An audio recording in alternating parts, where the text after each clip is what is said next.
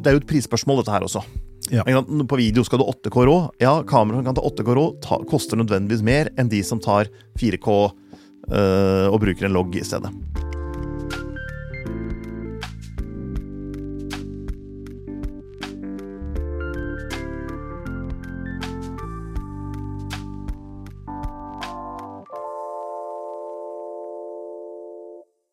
Kjære lyttere der ute, kjære ørevenner. Vi er tilbake igjen, vi, med en ny episode, som vanlig. Som vanlig. I dag har vi ingen eksterne gjester, det er bare Thomas og meg her. Det er bare oss. Ja, Og siden jeg alltid glemmer å si hvem vi er i slutten av hver episode, som jeg har tenkt, så har jeg tenkt å si det nå. Erik Forlund og Thomas Brun. Hei, hei. Hei. I dag skal vi snakke om hvordan man velger kamera. Mhm. Og Det er jo egentlig et ganske stort spørsmål. Det kan være et veldig lite spørsmål. Vi kan jo si finne ut hva du har behov for, og hvilket budsjett du har. Takk for i dag. Ja. Eller vi kan utbrodere litt mer, kanskje.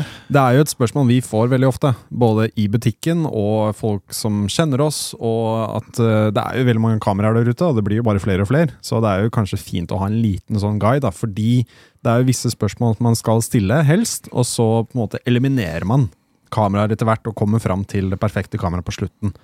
Eh, Så det er jo eh, Korte svaret er jo som du sier, ja, du må gjøre det, men det korte svaret på det spørsmålet er jo sånn, det kommer helt an på. Mm.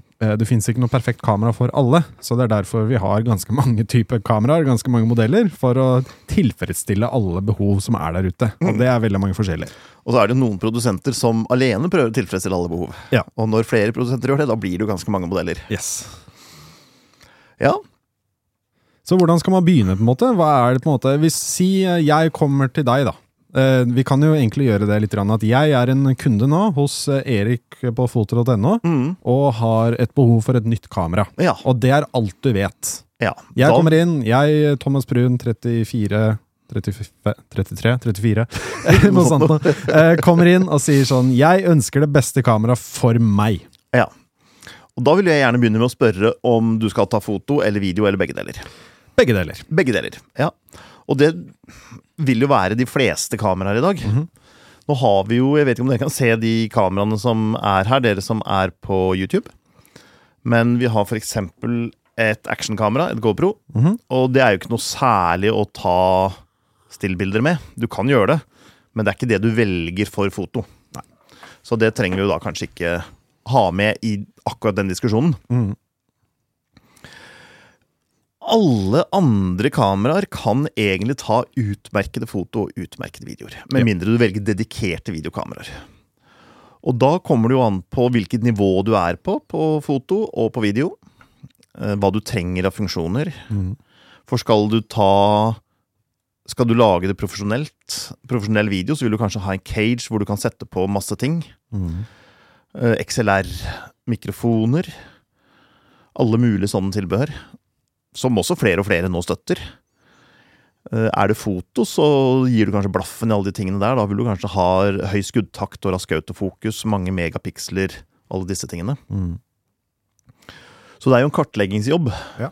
Så da vil jeg jo kanskje spørre deg, skal du bruke det profesjonelt, eller er du amatør, eller entusiast? Det er jo veldig mange profesjonelle fotografer nå som eh, blir på en måte tvunget litt inn i videoverden pga. forespørsler fra kunder. Så la oss si at jeg er en av dem, og det er jo på en måte også at eh, jeg har tatt, tatt mest uh, stillsbilder fram til nå, men jeg må også begynne med video, og skjønner at det er et stort behov for det. Så jeg Mm. trenger også et eh, Jeg trenger fotokamera som gjør også god video. Ja. Profesjonelt. Profesjonelt, ja. Og når vi snakker profesjonelt, så begynner vi ofte å tenke på at det skal være enkelt å redigere på etterpå. Mm. Fordi mange kameraer har jo flott video, men du får kanskje et veldig ferdigprosessert og ferdigkomprimert format som er veldig vanskelig å jobbe med i etterkant. Det blir litt som en JPEG-fil på foto. Mm. At den ser fin og flott ut, men kanskje ikke akkurat sånn som du ville ha den, og det er ikke så mye du får gjort med den etterpå uten at den blir ødelagt. Mm. Og da vil du ha en, en videofil som inneholder mye informasjon. Som gjerne tar større plass på minnekortet, større plass på harddisken, men som du kan gjøre mye mer med. Mm. Og her er det jo du som er eksperten, Thomas, og da må nesten du legge ut ting. Men man vil jo gjerne ha log-systemer, og man vil ha eh, kanskje all intra-komprimering og alle disse tingene. Mm. Men det forutsetter jo også at man kommer til å redigere etterpå. Ja. For det er mange kameraer som gir en veldig fin fil rett ut av kamera, hvor du slipper slipper i anførselstegn å redigere. Fordi den er ferdigprosessert. Ja. Og hvis du ikke vet bedre enn kamera, så er det helt fint. Men sånn som deg, som vet bedre enn kamera, vil jo heller gjøre det sjøl. Ja, og der kommer det litt an på også hvem er det du skal levere til, da. Så hvis du skal levere Jeg leverer jo eh, filmer til eh, Altså profesjonelle filmer til kunder, men også til venner av meg, for eksempel, da, som vi filmer bare dem, og de lager en reel til Instagram. Og da sender jeg bare filene til dem, og da vil jeg ikke ha så veldig store filer. Så da ønsker jeg da et kamera som kan filme bare i vanlig HD og 8-bit som er mulig å leses av bare du sender over fra airdrop til mobilen din. Eh, og veldig enkelt overføre uten noen form for redigering etterpå. Og de syns dette ser kjempebra ut, tusen takk. Men så har du også de eh, casene hvor du skal levere et profesjonelt eh, resultat til en kunde, hvor du filmer kanskje i en butikk et eller annet sted, eller noen sånne ting, hvor det er litt vanskelig lys, det er litt blandingslys fra utsiden også, og det er litt ukontrollerte situasjoner. Da vil du ha så mye informasjon å jobbe med som mulig etterpå, og da vil du gjerne ha som du sier, et loggbilde, et flatt bilde, hvor du kan legge på dine farger etterpå, og de kan komme med forespørsler. De vil ha litt sånn forskjellige farger på forskjellige steder, og ja, litt lysere, litt mørkere, litt mer farger, litt mindre farger. Og da vil du gjerne ha så mye informasjon å jobbe med etterpå. Men også at du har forskjellige formater som du skal levere til. Og det er veldig vanlig nå. At du skal ha vertikalt, du skal ha horisontalt, du skal ha kvadratiske bilder, du skal ha alle de forskjellige videoformatene. Mm. Som er et litt sånn halvveis mareritt i seg selv. Eh, og da vil du gjerne ha et kamera som også kan levere det. Så det kommer helt an på, på måte, hvilket nivå du er i videoverden også, da. Ja. Eh, men, Og hvilket nivå kunden er, Nettopp. og hvor fort du skal levere. Ja. For Skal du levere fort, vil du ha det ferdig. Skal du levere langsomt, vil du kanskje gjøre det selv. Yes. Når ville du valgt rå, og når ville du bare brukt øh, en logg øh, Jeg kan gi et eksempel. Jeg kan gi to eksempler. Altså en er det at jeg har jo en annen sånn podkast som jeg driver med min eh, treningspartner, min, min coach. Og han vil gjerne ha altså, filene selv, som han putter sammen til en reel som går på hans Instagram. mm. Og det er veldig vanlig. Bare sånn, ok, du, Litt sånn frem og tilbake der. Du filmer bare at han gjør et par øvelser i treningsstudio, f.eks. Og så sier han bare sånn, send det til meg med en gang, så bare laster jeg det opp. Ferdig. Og da skyter du bare i 1080 eh, HD. eh, 8-bit, sånn at det er mulig for han å lese av de filene. Hvis du filmer i 10-bit, så er det ikke alltid Da må du vanligvis gjennom et redigeringsprogram for Ja. å lese av filene, og så eksportere ut igjen. Mm. Og det er litt sånn unødvendig arbeid, da. Eh, og da er det bare å sørge for at du har riktig hvitbalanse når du filmer, fordi da har du veldig lite rom å, å gå på etterpå. Og sender det bare til han med en gang. Og så putter han det sammen, laster opp. Men så har du også en annen case hvor jeg var på i en matbutikk forrige uke for eksempel, og filmet intervjuer av folk som skulle smake på nye produkter. Og da er det litt sånn eh, vanskelig lysforhold. Det er noen ganger du har disse gule spotlysene og litt sånn lamper som ikke er ideelt eh, Gir en ideell eh, lysverdi. Og de skulle ha horisontalt, vertikalt, alle de forskjellige formatene. diagonalt. Diagonalt. Alt mulig rart. Eh, 45 grader, rotering, you name it. Mm. Eh, de skal også ha stillsbilder fra videoen. Ja, ja. Så de vil bare tenke sånn Ok, vi, vi, vi har ikke mulighet til å ta bilder samtidig som vi filmer, så da må vi ha to stykker på, på location, og det har vi ikke råd til. Så de sa sånn, vi tar bare screenshots fra filmen. Ja. Og da vil du ha så mye oppløsning som mulig.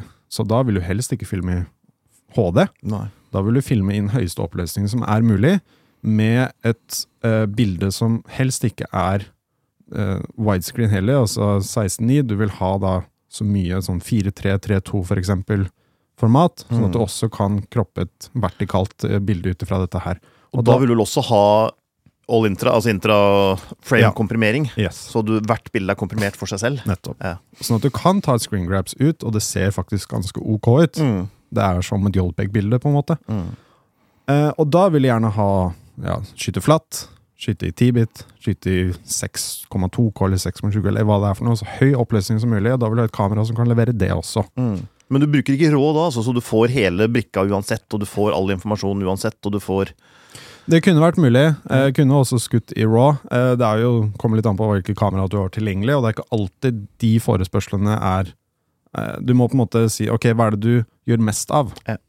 Og hvis du gjør mest av måte ting som skal ut på Instagram, så er det ikke nødvendig da å hoppe opp til et kamera som skyter i raw. Nei, Og så er det kanskje ikke kjempemange kameraer som er gode på foto, som skyter rå video heller. Nettopp. Fordi da er du ofte over på dedikerte videokameraer. Og vi trengte også ta litt bilder, så det måtte Mm. også switche over til bilder veldig fort. Ja. Og når du intervjuer folk på gata så de, de er ikke så tålmodige, da. De er ikke modeller, de er ikke skuespillere. Så du må egentlig bare være veldig, veldig rask, Mm. og være på med en gang. Så du kan jo heller ikke ha et kamera som bruker 30 sekunder til å skru seg på. Og vi måtte tenke på batteri også, så du måtte skru seg av og på veldig raskt. Det er sånne småting som det, da. Så må tenke på sånne praktiske, praktiske ting, da. Mm.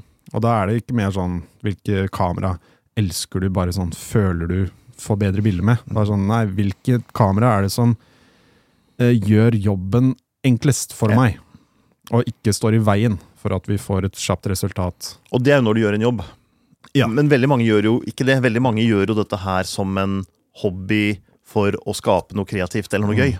Og da kommer jo følelsene mye mer inn. Ja, nettopp. Og det er, den, eh, det er det spørsmålet jeg stiller veldig mange folk når de spør meg. Bare sånn, hvilke kamera er best? Sånn, det kommer an på om det er for profesjonell bruk eller for hobbybruk. Og jeg har jo to forskjellige kameraer som jeg bruker, for eksempel. Jeg har tre, egentlig tre kameraer linet opp foran meg her.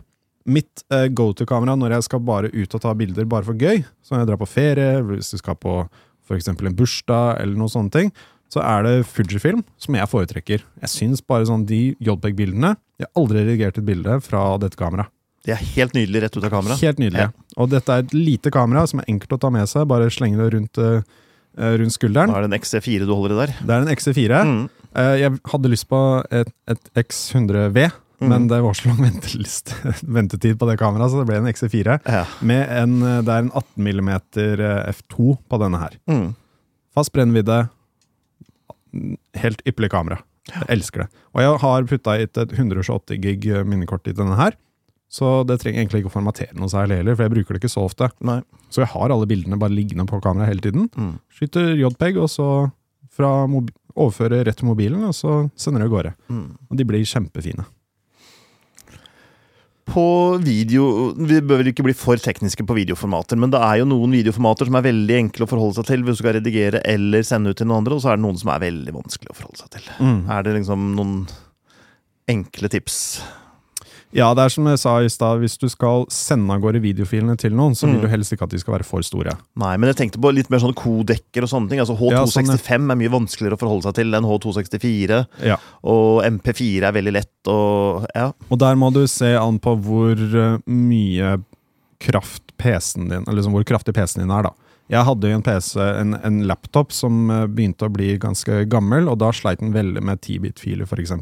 Så da kunne jeg egentlig ikke filme i 10-bit. Da filmet jeg i 8-bit. Mm. Fordi så, eh, laptopen klarte rett og slett ikke å prosessere eh, 10-bit ordentlig. Nei. Men du kan også da se på kameraer som også kan lage proxy-filer samtidig som de lager vanlige filer. Proxy-filer er jo litt eh, mindre De er veldig komprimerte filer, som er veldig små. Mm. Og de krever ikke noe prosessorkraft, særlig prosesskraft, å jobbe med. Så det er sånn arbeidsfiler som du kan jobbe i, og så før du da skal eksportere, så kan du Du kan linke de opp med de store ukomprimerte 10-bit-filene. Mm. Ja, For da kan du si ok, vi har sånn fade in og sånn fade out, og vi har de klippene, og vi gjør, legger på de fargeeffektene og de andre effektene. Mm. Og så bare sier den ok, da har jeg registrert de endringene, og da legger jeg det på originalfila. Er det sånn å forstå? Ja, det er på en måte litt det. Mm. Eh, Så du kan skru det av og på i redigeringsprogrammet ditt. Du bare linker opp originalfilene med proxy-filene, og så arbeider den med proxy-filene. Mm. Men når du skal da eksportere, så linker den opp brukeren av de originalfilene og eksporterer de ut. da. Ja. Så eksporteringstiden vil jo ta ganske lang tid. Men da kan Men- du gå og gjøre noe annet. Da kan du gå og gjøre noe annet, så du må være litt tålmodig der. da. Ja, ja. Men mens du jobber, så vil det skje mye fortere. da. Mm. Men nå har jeg fått en litt kraftigere PC, og da kan jeg gønne på. Mm. Og den kjører alt uh, helt smooth. Da trenger jeg ikke å tenke på proxy-filer. Da kan jeg filme i 10-bit, da kan jeg kjøre i 6K-oppløsning. Uh, helt ukomprimert. All in. For det er jo mange som drømmer om å 8K rå, og det høres kjempekult ut. Da får jeg all Mm. informasjonen, og blir jeg flinkere til å redigere på det seinere, så kan jeg gjøre det på nytt, for da har jeg all informasjonen. Men det er ikke sikkert du har lyst til å betale for den datamaskinen du trenger for å redigere Nei. for mye 8K rå-video heller. Og jeg ser for meg at det er liksom situasjoner hvor du skal filme litt sånn eh, stokkfoto, eksempel.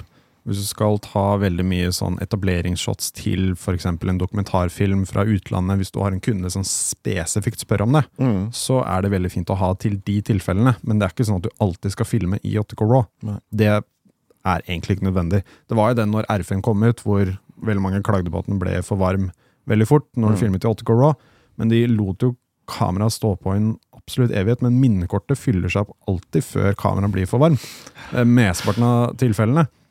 Eh, Så det er egentlig ikke nødvendig å på en måte skyte alt i 8K RAW. Du ender opp med som du sier, veldig veldig store filer som er vanskelig å lese for de fleste PC-er. Mm. Eh, og der, der har kameraene på en måte vært litt i forkant enn hva teknologien for oss flest, for, for de meste av oss, klarer å lese av. da, eller klarer å ha ja. Så Mm. det er ikke nødvendig alltid, men det er jo fint å ha de gangene det er nødvendig. Og du skal, hvis du skal synke opp f.eks. det kameraet med eh, et annet eh, kamera som også skyter 8K, liksom, da, da er det litt enklere sånn sett. da. Så i et profesjonelt bruk så er det jo fint, men eh, det er jo ikke nødvendig å gjøre det hele tiden. Nei, for vi, vi, jeg kommer jo fra fotoverden, og der er vi jo vant til å alltid skyte i høyeste kvalitet. Ja. Fordi alt annet er jo sløsing med bildebrikker og optikk og alt mulig som du har betalt gode penger for. Og du har alltid mulighetene når du har den høyeste kvaliteten. Men på video kan det rett og slett bli for mye. altså. Ja. Det kan bli unødvendig, rett og slett. For høyeste kvalitet på f.eks. en Canon EOS R5 på video, den spiser jo latterlig mange gigabytes i minuttet. altså. Absolutt. Det er, det er helt absurd hvor fort den fyller opp minnekort. Ja. Så du får ikke, du får ikke mye materiale til på 512 gigabyte. Så det blir ganske kostbart veldig fort. da. Mm. Men det er jo sånn på, på fotoene også at det er jo raw komprimert og ukomprimert også. Ja. Og på raw, på komprimert, så kan du få lossy eller lossless. Ja. Og lossless vil jo være, altså da har den ikke fjernet noe data. Da har den bare komprimert de dataene så de ligger litt tettere, kan du si. Mm. Eh, Så, så det fungerer som en vanlig rå, men er den lossy, så har den jo tatt bort informasjon. Mm. I mitt hode så er jo det litt i strid med hele konseptet om rå. At du vil ha mest mulig informasjon tilgjengelig, så du kan gjøre mest mulig etterpå. Og så skal du la den begynne å ta bort informasjon for å spare plass på minnekortet. Mm. Og med mindre du har et helt ekstremt kamera, så tar jo ikke et bilde så veldig mye plass på minnekortet. Så har du kanskje 40 eller 50 megabyte, da. Men har du 100 gigabyte, så har du fortsatt plass til 2000 bilder. Ja. Og øh, Jobber du profesjonell, så har du aldri med deg bare ett minnekort heller. Du Det har alltid, du har alltid med deg flere minnekort. du har nesten det uansett, tenker jeg. Ja, For det kan gå fullt, det kan gå i stykker, det kan skje noe. Så, så man har jo flere minnekort, og et 128 gigabyte minnekort koster ikke all verden. Litt avhengig av hvor raskt du skal ha det, selvfølgelig. Men, øh, men ha et ekstra minnekort, så trenger du ikke å tenke på det Nei. på foto. På foto.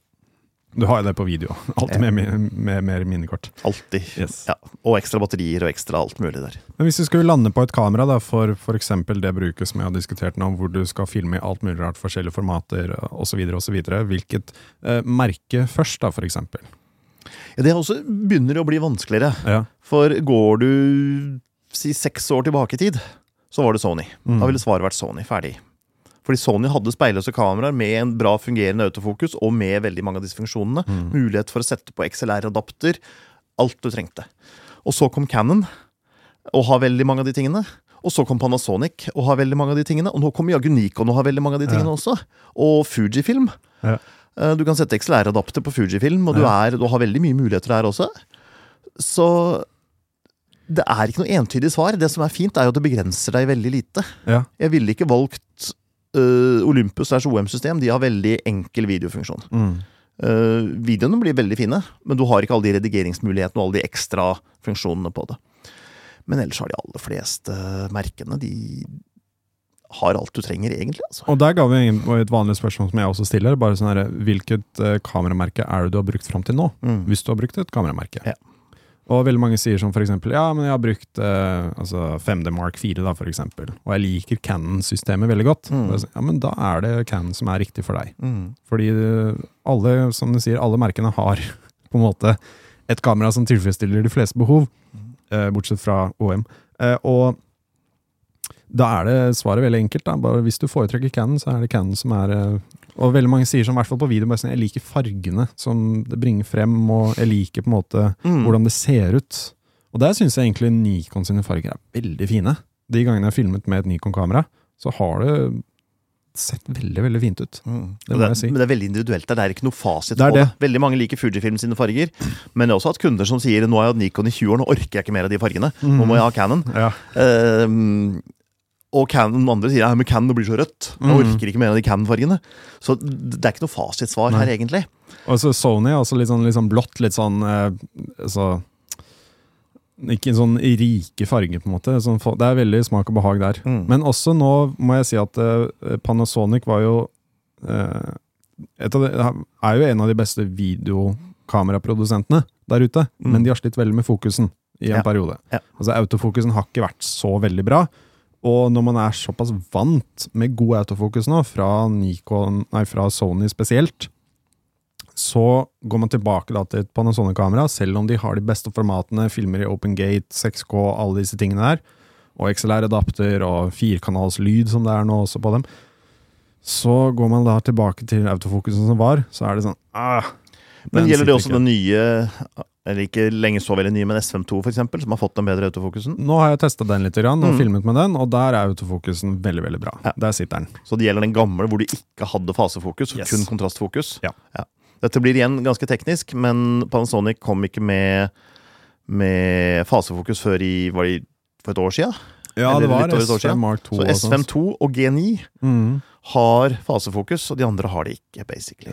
Per i dag. Og nyere, selvfølgelig, som har kommet etter at vi har spilt dette her, vil ha det. Ja.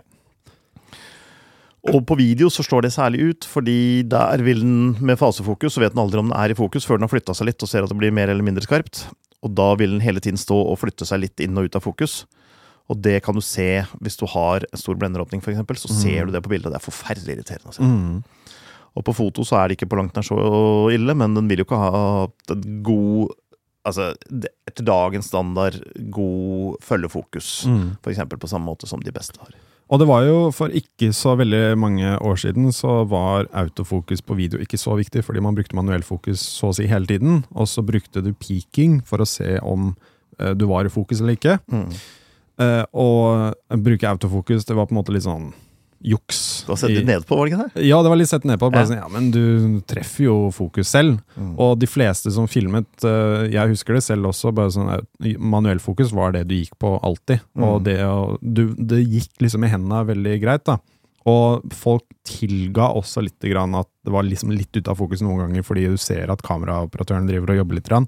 Det ser man ofte nå også, men nå har autofokusen blitt så sykt mye bedre enn det jeg i hvert fall er Mm. på å treffe fokus selv, at nå har jeg blitt helt avhengig av det. Og så skjedde det jo noe da det kom video på disse store fullformat fotokameraene. For før det så hadde man jo en del mindre bildebrikker ofte på videokamera. Og da har du en mye større dybdeskarphet. Mm. Og da er det mye lettere at fokusen treffer. Den er mye mer tilgivende. Men har du et fullformatkamera, så er det så nådeløst om du treffer eller ikke, at, uh, at da ble det krevende for, eh, for vanlige mennesker, altså. Tenk deg det å liksom uh, ha fokus, gjøre manuell fokus på ja, en 50-85 mm 1.4 med full blender, med fullformat. Mm. Det er vanskelig å treffe nøyaktig, altså. Ja. Men nå så går den rett på øyet og sitter der. Der sitter den. Og på, video, altså på, på filmproduksjoner i gamle dager så var det jo ikke kameramannen som stilte fokus. Du hadde jo en egen person som hadde som jobb å stille fokus. Og det var jobben hans. Og så krevende var det å bli god på å stille fokus at du hadde egne profesjonelle folk som bare gjorde det. Og det er jo sånn Når du går tilbake og ser på gamle filmer, så merker du også at noen ganger at de er ute av fokus. Men det er sånn, det var det beste taket skuespilleren ga. Og det var det kinomaskinisten som ikke klarer å stille seg. ja, det også. Ikke sant? Så det var, det var en ganske stor jobb, det der. Mm. Uh, og i, eh, på profesjonelle filmer nå, så tipper jeg de sikkert bruker manuell fokus fortsatt. Det er jeg ganske sikker på. Har en fokusboller som, som gjør den jobben veldig bra. Mm. Men for oss uh, sånn derre one man band, som det er veldig mange av nå, så må vi, eh, er vi avhengig av god autofokus. Spesielt jeg som filmer meg selv mye i det studioet her og gjør mye videoer hvor det ikke er noen kameraoperatører, så må jeg stole på at autofokusen sitter. Mm. Så det er, eh, det er et spørsmål som vi stiller. da. Er det viktig med god autofokus eller ikke? Er du en av de som bruker manuell fokus, så trenger du ikke å tenke på det. Men nå er autofokusen på de fleste kameraer ganske, Alle ganske nye kameraer så er det bra på video, og det er Ja. bra på foto. Ja. På foto så er det jo veldig, kommer det jo veldig an på hva du tar bilde av. Mm. For tar du småfugl i flukt, så er du avhengig av skuddtakt og autofokus av en annen verden, altså, som egentlig aldri blir bra nok. Uh, mens tar du langsomme blomster, så er du ikke avhengig av noen av delene. Så det, det, altså, det er jo et prisspørsmål, dette her også. Ja. På video skal du 8K rå. Ja, kameraer som kan ta 8K rå, koster nødvendigvis mer enn de som tar 4K øh, og bruker en logg i stedet. Kameraer med 120 bilder per sekund og en autofokus som sitter klistra på et motiv nesten uansett hva du prøver på, koster mer enn de som er langsomme og som øh, er fine til, øh, til blomster. Så hvis du vet at du ikke kommer til å ta bilde av noe raskt, bare til å ta bilde av langsomme ting, så vil jo rådet mitt være å ikke betale en masse masse penger Mm. for en vanvittig skuddtakt og en vanvittig autofokus. Og det er jo det vi vanligvis prøver å på en måte forhindre litt, at du skal du skal ikke betale for noe du ikke kommer til å bruke. Men så er det jo nødvendig. Det er jo litt sånn greie der også, for kunden kan komme og si eh, Ja, jeg har en sånn Canon EOS 700D, og jeg tar ikke actionbilder, jeg. Nei. Nei, selvfølgelig tar du ikke actionbilder, for det kameraet ditt egner seg overhodet ikke Ja. til å ta actionbilder. Men hadde du sånn- hatt et kamera som kunne ta det, hadde du da tatt det? Ja. Og skal du, ja, ikke sant? Hver gang jeg har prøvd å ta actionbilder, så har det ikke blitt så bra, så jeg gjør det ikke så mye. Nei. Sånn, ok, ja, Da kan du få et kamera som gjør veldig veldig bra actionbilder. Ja. Det var som internettforbindelse for noen år siden, da man hadde oppringte forbindelser eller langsomme andre. Ja, nei, jeg laster ikke ned så store ting, jeg. Nei, Ja. selvfølgelig laster du ikke ned store ting, for det tar jo et år.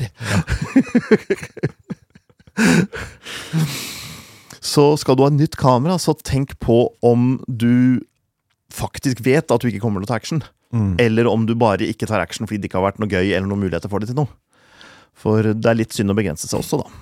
Det er det jo.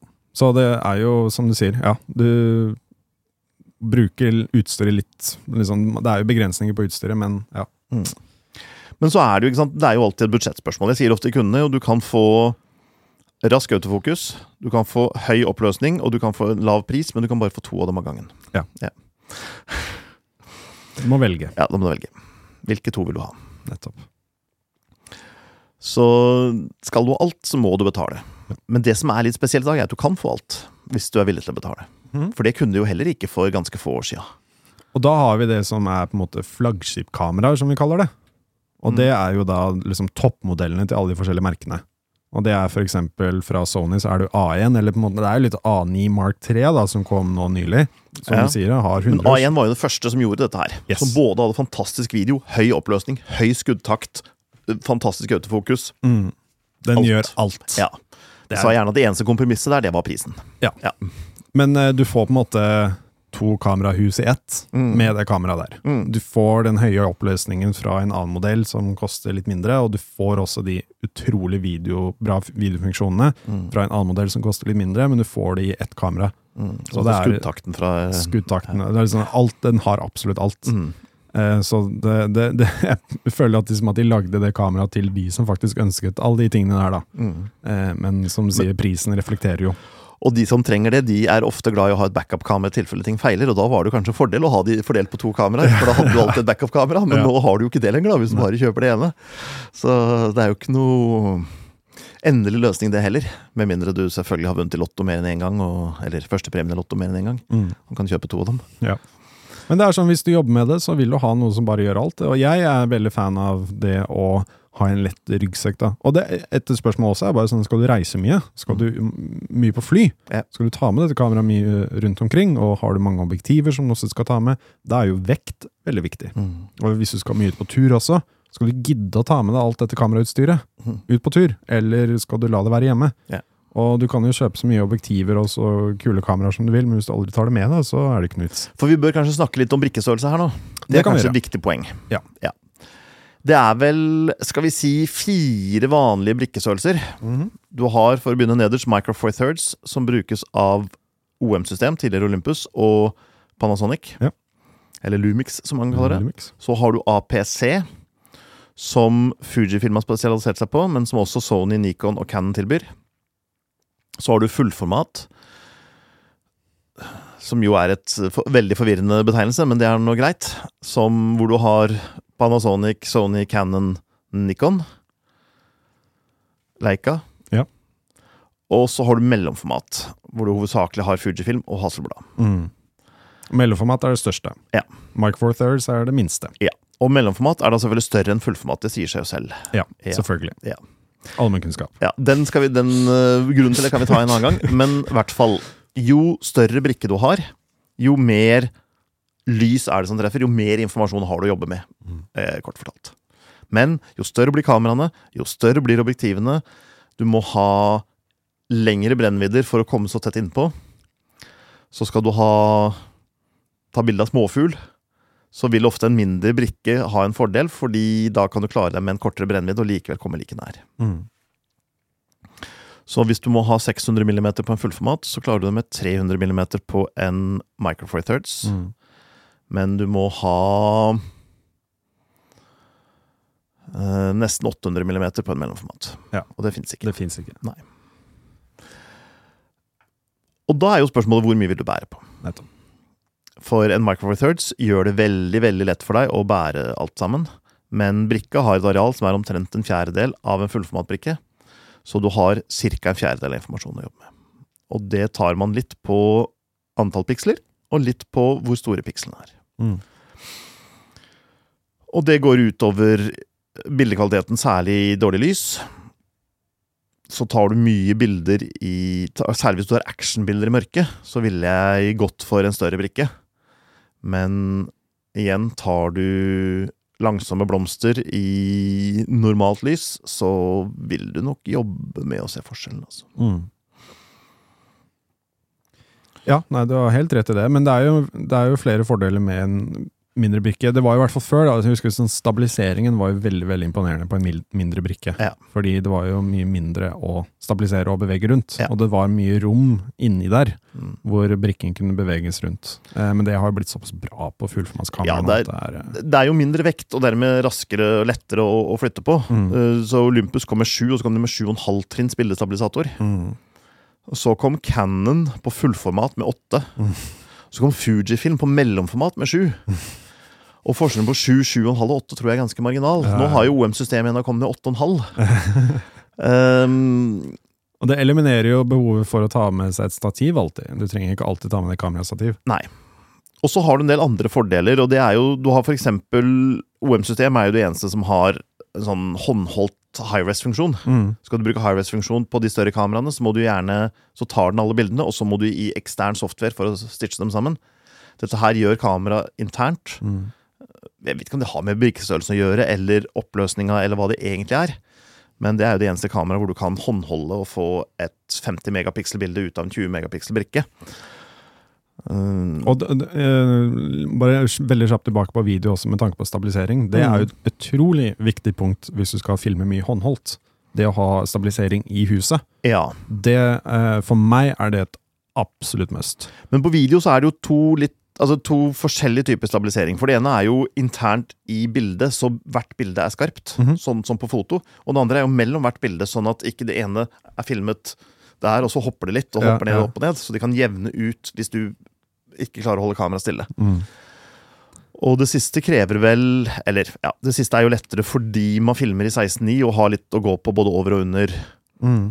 Så den skalerer litt inn også, Ja, hvis du tar akkurat. på aktiv stabilisering, da, som Mm. heter. Så du har jo den, den eh, interne stabiliseringen, som sier, også sånn den aktive, som er den digitale stabiliseringen. Mm. Og da skalerer den bildet liksom 5-6 og bruker det ekstra rommet i bildet til å liksom holde det stødig. Da. Du ser det veldig hvis du skyter veldig vidvinkel og beveger kameraet frem og tilbake, så den kanskje henger litt etter etter du har på en måte stoppet å panorere. Oh, ja. Fordi den skal liksom sånn smoothe ja. Den skal smoothe ut panoreringen ja, også. smoothe ut Mm. panoreringen. Mm. Eh, men eh, for meg som filmer mye håndholdt, da, så er ja, den aktive stabiliseringen det er veldig veldig viktig for meg. Det har Eh, også alle nå, har de ikke det? Jo, de fleste har det, de har det. men du merker det veldig hvis du skrur det av. Mm. Hvis du har optisk stabilisering også på objektivet, da, for eksempel, og du skrur alt av, så ser du veldig stor forskjell. Det Mm. er som at det bare låser seg inn, eh, og så bare sitter det. Ja. Og det blir veldig, veldig bra. Mm. De små brikkene har jo også ofte hatt høyere utlesningshastighet, som har gjort, gitt en høyere skuddtakt og mindre rullende lukker. Altså Hvis du panorerer på video, så vil du få skrå og vertikale linjer. Det er det mindre av fordi det går raskere å lese ut av en liten brikke enn av en stor brikke. Du har en del fordeler med små brikker. Eh, og vi har jo egen podkastepisode om bildebrikkestørrelse. Mm -hmm.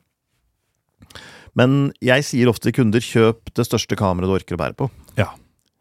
Jeg har bomma på det og kjøpt større kamera enn jeg orket å bære på, og det var ikke noe lurt. Det var titusenvis av kroner i fantastisk fotoutstyr som hang en, foto, i en bag i gangen, og der Mm. hang den veldig, veldig fint. Jeg hadde veldig bra fotoutstyr og tok veldig få bra bilder. Og så bytta jeg til mindre bildebrikke, og da ble kameraet med mye oftere.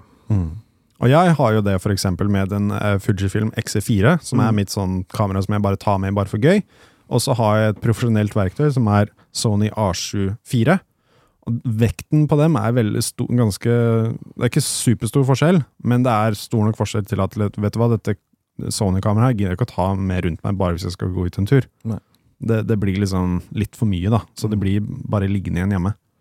Eh, og bare det er, det er veldig viktig å tenke på. Det er som du sier, sånn, det beste kameraet er det du har med deg. Mm. Det har du sagt før, og det er et veldig bra sitat. Og så er jo Sony er jo veldig flinke til å lage små kamerahus. Mm. Men hvis du skal ha med deg en tre-fire objektiver, så hjelper ikke størrelsen på kamerahuset så veldig mye. For da er det jo størrelsen på objektivene, og da kommer vi fort inn på fysikk, egentlig. Ja. Og fullformatobjektiver er å bli større enn APC-objektiver, som er å bli større enn uh, Micro Four Thirds-objektiv. Med tilsvarende bildevinkel og tilsvarende blender. Og igjen, det er en veldig stor fordel med en mindre bildebrikke. Det er akkurat det at objektivene blir også mindre. Mm. Som gjør at totale vekten blir mindre, som gjør at du kan ha med deg flere objektiver. Mm. Hvis du liker å bytte mye objektiver, Ja. så kan det være en, Mm. en fint alternativ. Da. Mm. Eller du kan spare vekt. Du kan spare vekt. da. Mm. Så det, det er en, en viktig vurdering. Og så har det vært mye hype rundt fullformat, og det var en stund alt dreide seg om at det måtte være fullformat. Mm. Men da særlig Canon og Nikon kom med APC-modeller av de speilløse kameraene sine, så ble det på en måte litt mer stuerent. Med med APC, da, eller mindre bildebrikker. Ja. Jeg syns jo det er vanskelig Nå har vi jo snakket veldig lite om spesifikke merker, men Sony, Canon, Nikon de lager noen helt fantastiske objektiver, men alle de fantastiske objektivene deres er fullformatobjektiver. Mm. Det betyr at hvis du går for et APC-system fra Sony, Canon eller Nikon, så må du enten øh, være tilfreds med de litt enklere objektivene, eller du må bruke fullformatobjektiver på et APC-kamera. Gjør du det siste, så mener egentlig jeg at da bør du heller gå for fullformat. Ja, det er litt waste. Ja. Så de eneste som egentlig lager virkelig topp APC-objektiver for APC-kamera, det er Fujifilm. Mm. Så skal du ha PC, så har jeg i hvert fall veldig lett for å anbefale Fujifilm.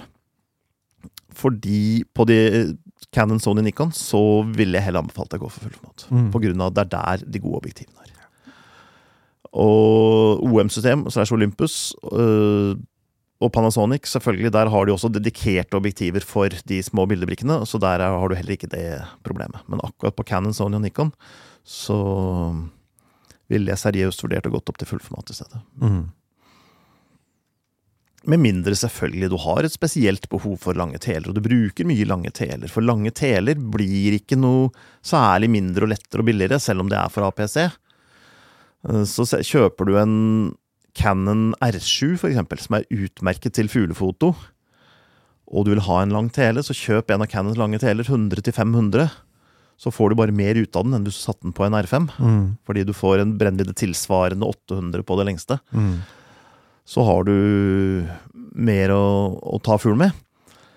Og da går det helt fint. Mm. Da bruker du jo fullformatobjektivene. Men en 2470 egner seg dårlig på et APC-kamera.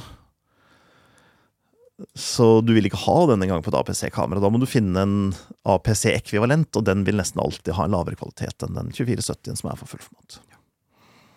Og det, objektiver er også egentlig ganske viktig å nevne, fordi du kommer jo også inn på altså Du har jo originalobjektiver fra de forskjellige merkene, men du Mhm. har jo også uh, flere tredjepartsobjektiver Ja. fra, de fra andre merker, som Sigma f.eks. Ja. Og de lager jo ofte litt rimeligere objektiver også, og Tamran-objektiver f.eks. Mm. og- Eller helt annerledes objektiver. Helt annerledes Ja. objektiver. Eh, men uh, Så det er også viktig å se. Da, bare sånn, ok, men Hvis du foretrekker en større variasjon av objektiver, så må du også tenke på hvilket merke er det som har åpent for at tredjepartsobjektiver kan lage objektiver til deres kameraer. Ja.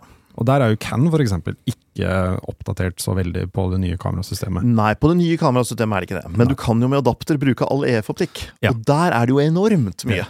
Så det er, det er veldig vanskelig spørsmål, for hvis du kun skal ha det som er laget for det kamerasystemet, så er du begrensa på Canon. For de har ennå ikke åpna for tredjepart. Og så finnes det noen tredjepartsprodusenter som har laget for Canna likevel, men det er helt manuelle Mm. ting uten autofokus, med manuell blender på objektivet osv., som ikke snakker med kamera. Mm. Um, Sony har jo gått den andre veien. Der er det veldig mye tilgjengelig. Mm. Sigma lager, Tamron lager selvfølgelig, fordi Tamron er delvis eid av Sony, og alle andre lager for Sony. Ja. Så har det begynt å komme på Nikon, så har det begynt å komme på Fujifilm. Uh, Så har det vært på Olympus og Panasonic, men der er det vel lite nå, er det ikke det? Mm. Ja, jeg husker nesten. Relativt lite. Du har jo den der L-mount-alliansen Ja. mellom eh, Leica, Sigma og Panasonic. og Panasonic. Ja. Så du kan jo bytte, hvis du har en L-fatning, da, for eksempel, så kan du bruke de, de objektivene om hverandre, da. Ja. Har du et Panasonic-kamera, så kan du bytte til et Leica Altså en Panasonic fullformat. da Mm, du bytter til mm. Leica SL Mm. og fortsette å bruke akkurat samme objektivene. Eller den andre veien. Yes. Sigma har også noen kamera, men det er litt mer dedikerte videoting. Ja. FP-modellene. Mm. Og tilsvarende har du jo med Micro Four Thirds, Panasonic og OM-system. Der kan du også bruke dem om hverandre. Mm. Gamle Hva skal man si eh, Eller Olympus-objektiver egner seg dårligere på Panasonic-kameraer enn Panasonic-objektiver på Olympus-kameraer. Men Mm. det er en annen diskusjon. Dette finnes artikkel om på sidene våre. Og eh, vi har vel kanskje hatt noe episode om det, eller så skal vi kanskje ha det veldig snart. Veldig snart, ja. Yeah. Det skal vi. Ok, da har vi dekket video, vi har dekket litt foto, vi har dekket brikkestørrelser, vi har dekket litt objektiver. Ja, Når det kommer til objektiver også, hvis du skal bruke fullformatobjektiv på et APC-kamera, så vil du jo slite med vidvinkler. da. Ja. Fordi har du en 16 mm på fullformatkamera, så må du liksom ha omtrent 10 mm på et APC-kamera for å få samme utsnitt. Og 10 mm skal bruke fullformatobjektiver, så blir 10 mm fort veldig dyrt, eller veldig stort, eller veldig kronglete, og du betaler for masse, masse, masse glass du ikke bruker. Så, så det er ting å tenke på. Men på teler så er det egentlig veldig veldig greit. Sett Mm. på et fullformat-tele på et APC-kamera. Null stress i det hele tatt. Hva er det vi ikke har dekket her nå? Ekstra- Jo, Ja. Ergonomi. Yes. Du må sitte godt i hånda. Ja, Bor du et sted med en ordentlig fotobutikk, dra inn i fotobutikken og kjenn på kameraene. Hold på kameraene. For det Mm. er veldig stor forskjell på hvordan de ligger i hender. Og det går ikke an å si hva som er bra, for det kommer an på hendene dine. Mm. Og det kameraet som ligger veldig godt i min hånd, ligger ikke nødvendigvis godt i din hånd. Og noen har store hender, noen har små hender, noen har lange fingre, noen har korte fingre. Og alt dette avgjør hvordan kameraet fungerer for deg. Mm. Så det er ikke noen ergonomi som er riktig eller gal. Eller det finnes noen gal ergonomi, men det er ikke noen som er absolutt riktig, i hvert fall. Så prøv hvis du kan. Sony ble jo, fikk jo litt tyn for det for, for ganske lenge, fordi kameraene var litt for små for, for mange andre. Hvis du har store hender, Ja. så vil på en måte lillefingeren din henge under, og det var det mange som ikke likte, så derfor foretrakk de Canon, da, eksempel. Ja, og avstanden For dere som kan se på video, så holder jeg nå et Sony A7. Avstanden mellom grepet og objektivet er så Mm. liten at hvis du har litt tjukke fingre, så Mm. blir det litt trangt. Ja. Bruker du hansker, så blir det definitivt trangt. Har du litt stort objektiv, så blir det trangt.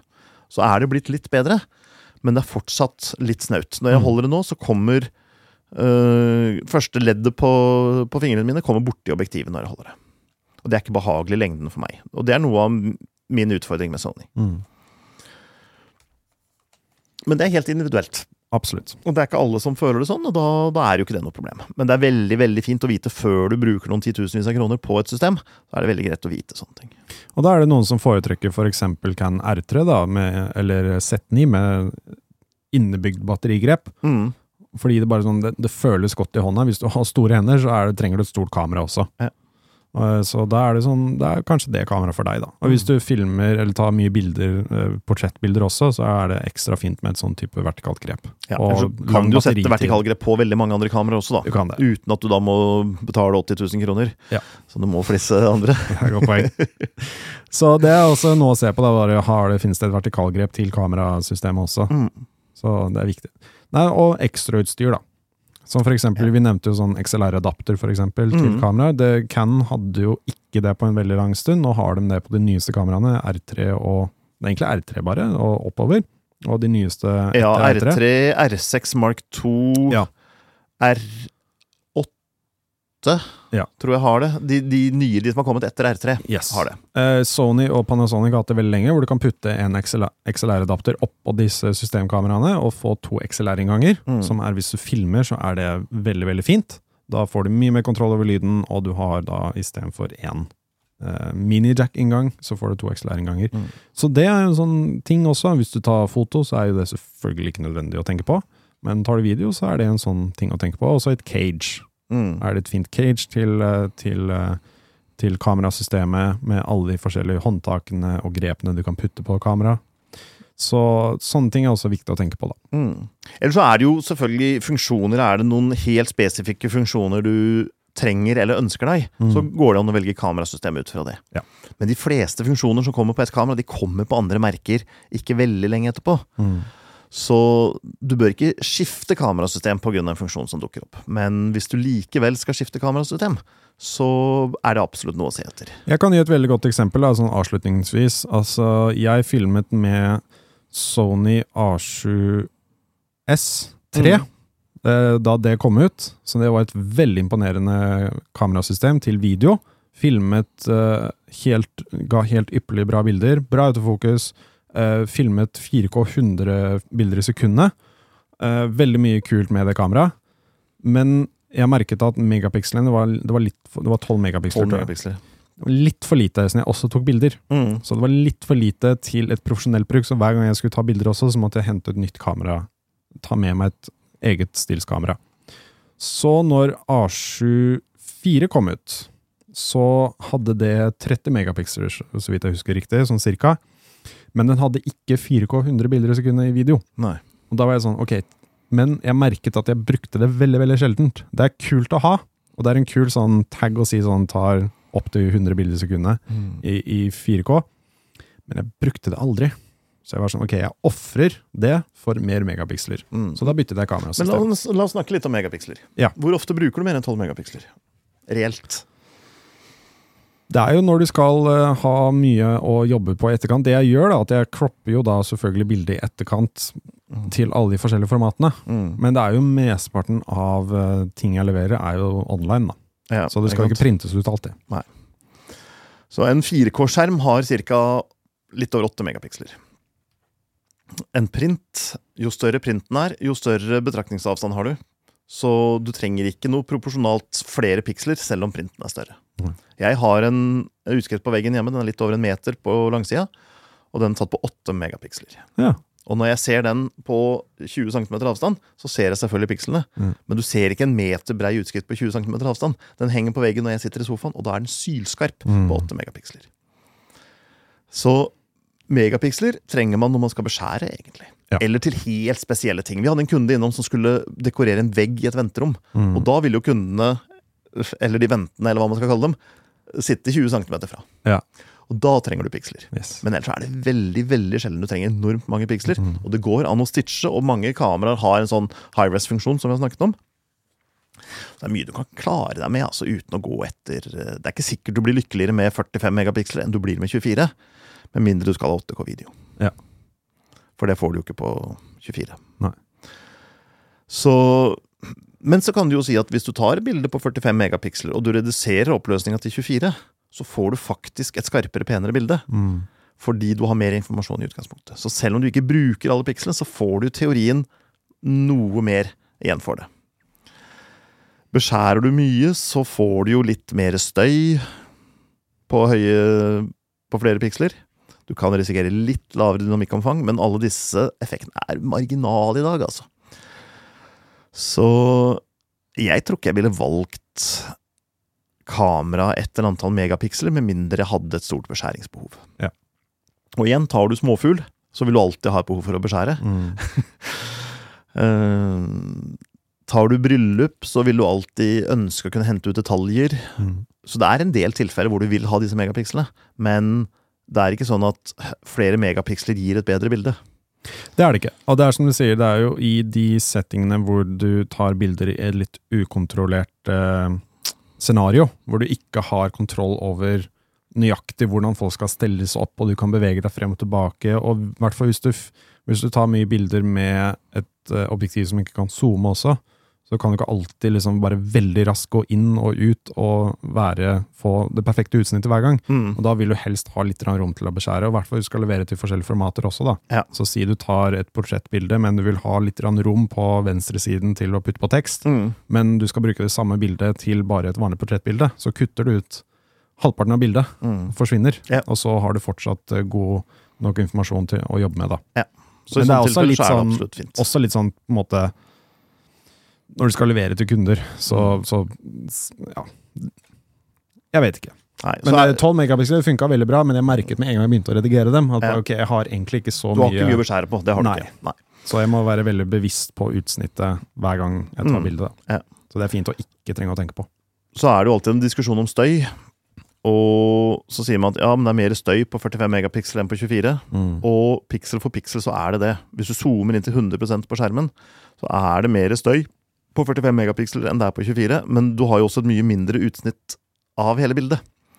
Så igjen, hvis du tar det 45 megapiksel-bildet og reduserer til 24 megapiksler, Mm. så du har samme utsnitt og samme antall piksler, så er det også omtrent samme støynivå. Ja. Det vil være en marginal forskjell, men den er veldig, veldig liten, faktisk. Og det skal sies at jeg filmet faktisk med eh, A7S3 for to uker siden cirka, på et event på kvelden hvor det var veldig lite lys tilgjengelig. Det var jo inne på en sånn fest. Da er det kameraet der bare helt ypperlig. Du kan kjøre ISON opp enormt mye, og bildet bare ser utrolig fint ut. Mm. Du har ikke noe støyreduksjon ennå på video, sånn som du har på foto nå, så du er avhengig fortsatt av at uh, du får lite støy på høy, ISO, Mm. og der er det kameraet bare helt uslåelig. Det er helt insane. Mm. Så jeg likte det veldig godt. Så du, det, igjen, det er sånn, kommer veldig veldig an på hva du tar bilder av, hva du filmer, hvordan du jobber. Uh, de fleste kamerasystemer tilbyr veldig bra kameraer til de fleste behov nå. Så det er en sånn elimineringsprosess som må gjøres, og det er jo noe som man gjør, litt research på. Som sier, hvis du er i nærheten og bor i nærheten av en fotobutikk, så dra gjerne innom. Test kameraene. Gjerne vår fotobutikk, altså. Uh, Ja. ja. absolutt. Eh, så selvfølgelig. Vi er jo Oslo og Bergen, så det er bare å komme innom. Eh, så man må egentlig bare gjøre litt arbeid, men hvis du gjør litt arbeid, litt research, stiller eh, litt riktige spørsmål, og still gjerne også spørsmål under videoen her, eller send oss melding eller kundesenter, så svarer vi, hjelper vi dere der. Det er jo på en måte det vi gjør, som er Mm. jobben vår. Eh, så litt arbeid må til på starten, men hvis du gjør det, så kommer du eh, vil du være mye mer fornøyd med kjøpet du kommer til å gjøre da. Men det er én ting vi ikke har snakket om ennå. Ja. Det aller viktigste. Pris. Pris.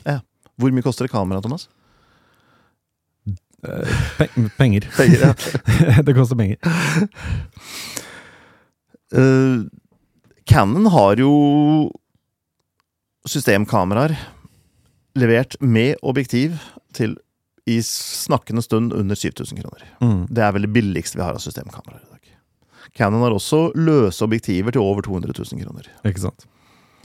Så det er ganske stor rekkevidde her. Så du må jo tenke litt på hva du har av budsjett. Og så må du tenke på om det er en absolutt grense, eller om det er noe som kan tøyes litt. For hvis du sier 'jeg kan bruke 30 000 kroner på fotoutstyr', punktum, ferdig. Så er spørsmålet skal du da ha et kamera og et objektiv. Skal du ha et kamera og flere objektiver? Skal du ha kamera, objektiv og minnekort? Skal du ha kamera, objektiv og minnekort og stativ? Skal du ha printer? Skal du ha skjerm? Ryggsekk. ryggsekk, bag. Hva skal du ha i denne pakka? For hvis du tenker 30 000, og så går du og finner deg et kamerahus til 29 995 kroner, Ja. så får du ikke tatt mye bra bilder uten objektiv og minnekort, altså. Og skal du printe mye, så trenger du en god skjerm og en printer. Og alt dette må tas inn i regnestykket. For det er veldig mange som er villige til å bruke enorme summer på fotoutstyr, og så skal de ha en utstilling, og så bruker de en drittskjerm på en laptop som ikke lar seg kalibrere, og hvor du, hvis du vipper på skjermen, så får du helt annet lys og helt andre farger. Og det, så blir du ikke fornøyd med utskriftene dine, fordi det du har sittet og gjort på skjermen, det gir ikke mening i det hele tatt, for du ser faktisk ikke hva du driver med, du jobber egentlig blinde. Eller du kjøper det mest fantastiske av kamera og objektiver for å legge det ut på Instagram. Mm. Da trenger du ikke noe dyr skjerm og du trenger ikke noe dyr printer, men du trenger kanskje ikke et kamera til 80 000 heller. Kameraobjektiv til 80 000. Nei. Så tenk litt på hva du skal bruke bildene til. Uh, vil du spare penger, så kan du i dag ofte med fordel gå ned på lysstyrke. Veldig mange har jo en 2470 blender 2.8, og så har de en 2470 blender 4, Mm. som koster under halvparten. Det er ikke gitt at den optiske kvaliteten er noe særlig dårligere, men den slipper inn halvparten så mye lys. Mm. Og i gamle dager, med sperreflekskamera, så betydde jo halvparten så mye lys betydde en mørkere søker og dårligere autofokus. Så en mindre blender i dag betyr større dybdeskarphet. Så du Mm. får ikke den samme dybdeskarphetskontrollen. Og det er vanskeligere å fryse enn bevegelse. For da må du opp et trinn i ISO-verdi. Men bortsett fra det, så, så er det ikke så mange ulemper med en mindre blender som det det var før. Altså Går du 15 år tilbake, så var jo alle objektiver med en mindre blender var jo optisk mye dårligere også. For de putta aller mest optikken i de med størst blender. Men faktum er at det er lettere å lage et objektiv, et godt objektiv med liten blender, enn det er å lage det godt med stor blender. Så i teorien så kan du få bedre objektiver med liten blender. Det fins noen få eksempler på det, men fortsatt så putter de jo gjerne mer penger i de dyreste objektivene selvfølgelig på, på godt glass. Men forskjellen er ikke der hvor de var i det hele tatt. Nei. Og dette har gjort at for eksempel Canon har sluppet 600 mm blender 11, Mm. som du kan sette telekonverter på. Så du har 1200 mm blender 22. Mm.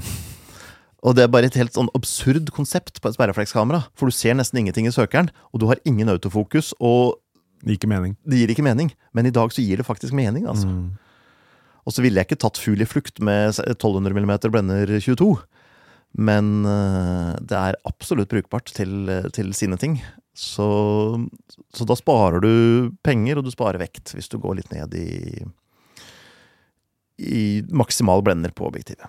Men igjen, jobber du i dårlig lys, så er det ikke sikkert du kan eller bør gjøre det. Og da vil jo fastobjektiver være bedre enn zoomer, for fastobjektiver har generelt større blender enn zoomobjektiver. Og skal du ha stor kontroll på dybdeskarpheten, så er det ikke sikkert du vil det. Så det er ikke alltid du skal ha det, men tenk på det for å eventuelt spare noe penger. Ja. Eller så er det, som sagt, altså skal du ha et systemkamera, et sted mellom 7000 og 700 000, skal vi si det? Ja, det er Ja. sånn cirka det det koster. Er det ikke det? Det er, eh, Så kan du velge omtrent hvor du vil lande. Rett og slett. Så ja, budsjett er jo selvfølgelig viktig. Ja. Absolutt. Det er det. Og som sagt, går du ned på oppløsning eller ned på autofokushastighet eller skuddtakt, så kan du Mm. også spare en del penger. Så hvis du vet du ikke kommer til å bruke det, så, så ikke betal for det.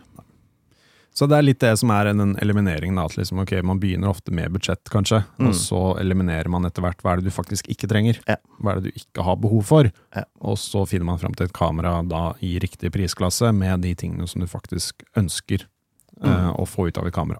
For i butikken eller på kundesenter så kan vi jo hjelpe deg med å kartlegge en del ting, men det er jo du som kjenner dine behov. Så jo mer kartlegging du har gjort på forhånd, jo lettere blir prosessen når du kontakter en fotobutikk. Ja.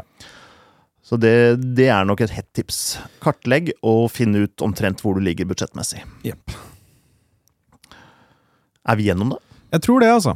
Og det er selvfølgelig, hvis dere har noe mer spørsmål, så er det bare å ta kontakt oss, med oss på alle de forskjellige plattformene som vi er på. Ja. Og så hjelper vi dere videre, altså.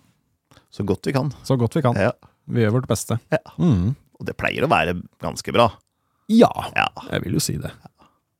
Kom innom og ta en prat. Det er veldig hyggelig med folk som kommer innom butikken. Altså, vi setter stor pris på det. Også. Det gjør vi Ja. absolutt. Takk for at dere fulgte oss. Takk Yes. for alle som så på og hørte på. Vi er tilbake om en uke. Og jeg er Erik, og han er Thomas. Nå husket jeg å si det. Ja. Ja. Ha det bra. Ha det bra.